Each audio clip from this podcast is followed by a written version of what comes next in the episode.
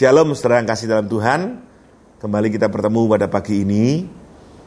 Saudara hari-hari ini sekali lagi Memang masalah demi masalah Mungkin terjadi dalam hidup kita Dan kita katakan Tuhan kok gak selesai-selesai? Sampai kapan? Saya diberkati ketika Jim Yos mengisi gereja ini. Dia berkata bahwa jangan memikirkan tahun 2022 akan lebih baik kita boleh berharap, tapi jangan berpikir aku nanti akan bekerja baik ketika uh, eh, COVID-19 selesai. Saudara, Jim Yos berkata bahwa mungkin 2022 malah bisa lebih buruk dari 2021. Tetapi dia berkata semacam ini. Tuhan mengadakan mujizat. Tuhan mengadakan hal yang dahsyat ketika ada masalah ketika ada problem, ketika keadaan tidak baik, ketika keadaan mungkin menurut manusia itu tidak menguntungkan, Tuhan bisa bekerja. Dan waktu itu dia memberikan contoh tentang bagaimana rasul-rasul ketika keadaannya besar, terjadilah saat itu Tuhan melawat melalui diaken-diaken yang di, diutus Tuhan ya, Filipus dan teman-teman dan waktu itu firman Tuhan katakan bahkan daerah Samaria pun dilawat Tuhan. Tuhan bisa mengadakan mujizat. Tuhan bisa mengadakan karyanya biarpun ada masalah. Hari-hari ini mungkin pandemik tidak selesai, tapi Tuhan bisa bekerja. Tuhan bisa memberkati saudara ketika masih ada pandemik. Tuhan bisa menolong saudara ketika masih ada pandemik belum selesai. Omikron masih ada. Setiap hari kok tambah banyak pak kekhawatiran. Wah ini bahaya saudara. Problemnya kita yaitu kekhawatiran. Orang bisa kekhawatir dan itu asam lambung naik. Hari-hari ini asam lambung banyak orang naik, saudara. Kita banyak berdoa hari-hari ini untuk orang-orang yang asam lambungnya naik. Kenapa? Pikiran. Pikiran boleh, tapi kalau membuat engkau sakit, itu merugikan kita sendiri.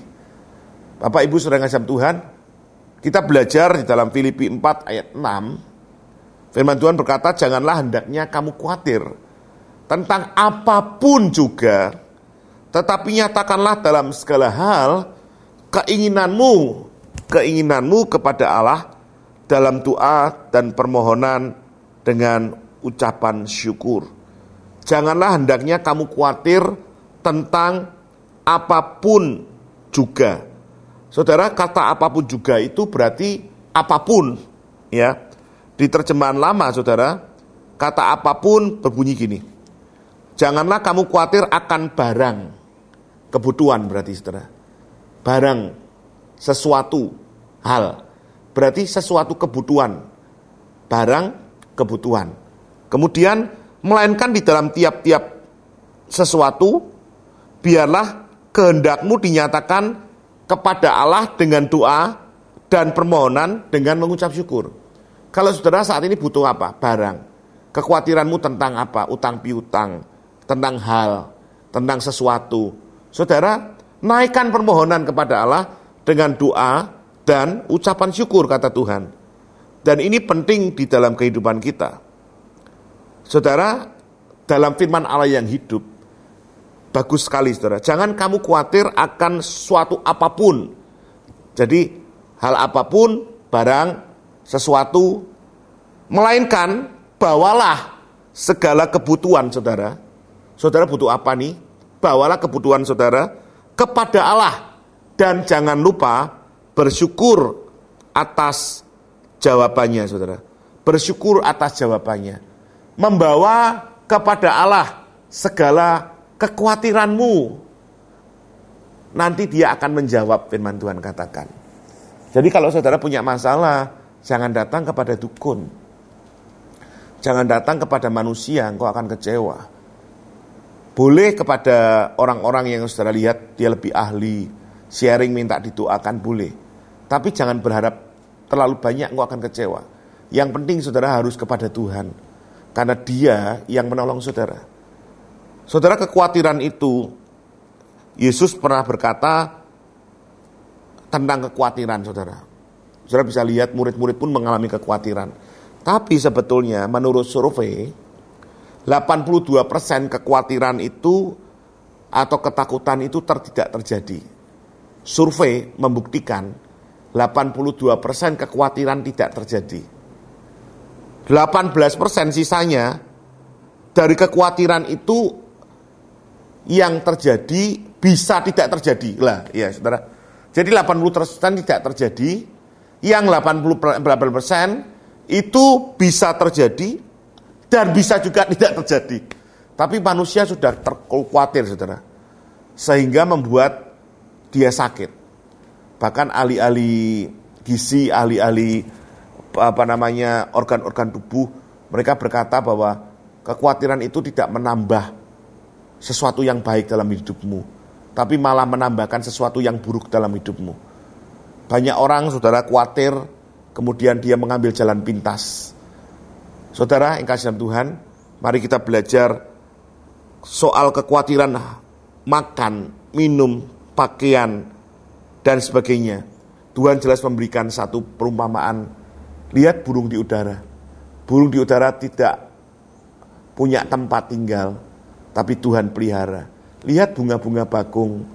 Mereka tidak punya sesuatu hal, tapi mereka punya pakaian yang bagus. Saudara, Tuhan memberikan gambaran, jangan khawatir Apa pun saat ini yang terjadi dalam hidup saudara, mari letakkan kekhawatiranmu. Minta Tuhan, aku mau tidak khawatir. Saudara, khawatir itu seperti apa toh? Kadang-kadang kita berdoa, Tuhan tolong Tuhan, tiba-tiba muncul bayar utang tanggal sekian, bayar utang tanggal sekian, besok bayar ini, besok bayar ini itu kekhawatiran saudara. Saudara minta, boleh tidak Pak khawatir?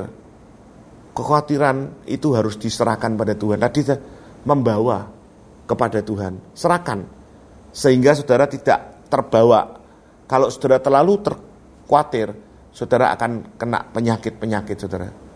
Hari ini di dalam nama Yesus serahkan kekhawatiranmu pada Tuhan, maka Tuhan akan menolong saudara.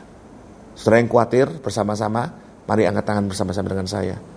Bapak di surga, kami berdoa pada pagi ini, segala kekhawatiran dalam hidup kami, masalah keuangan kami, masalah rumah tangga kami, masalah ekonomi kami, masalah apa pun dalam hidup kami, kami penuh khawatir Tuhan.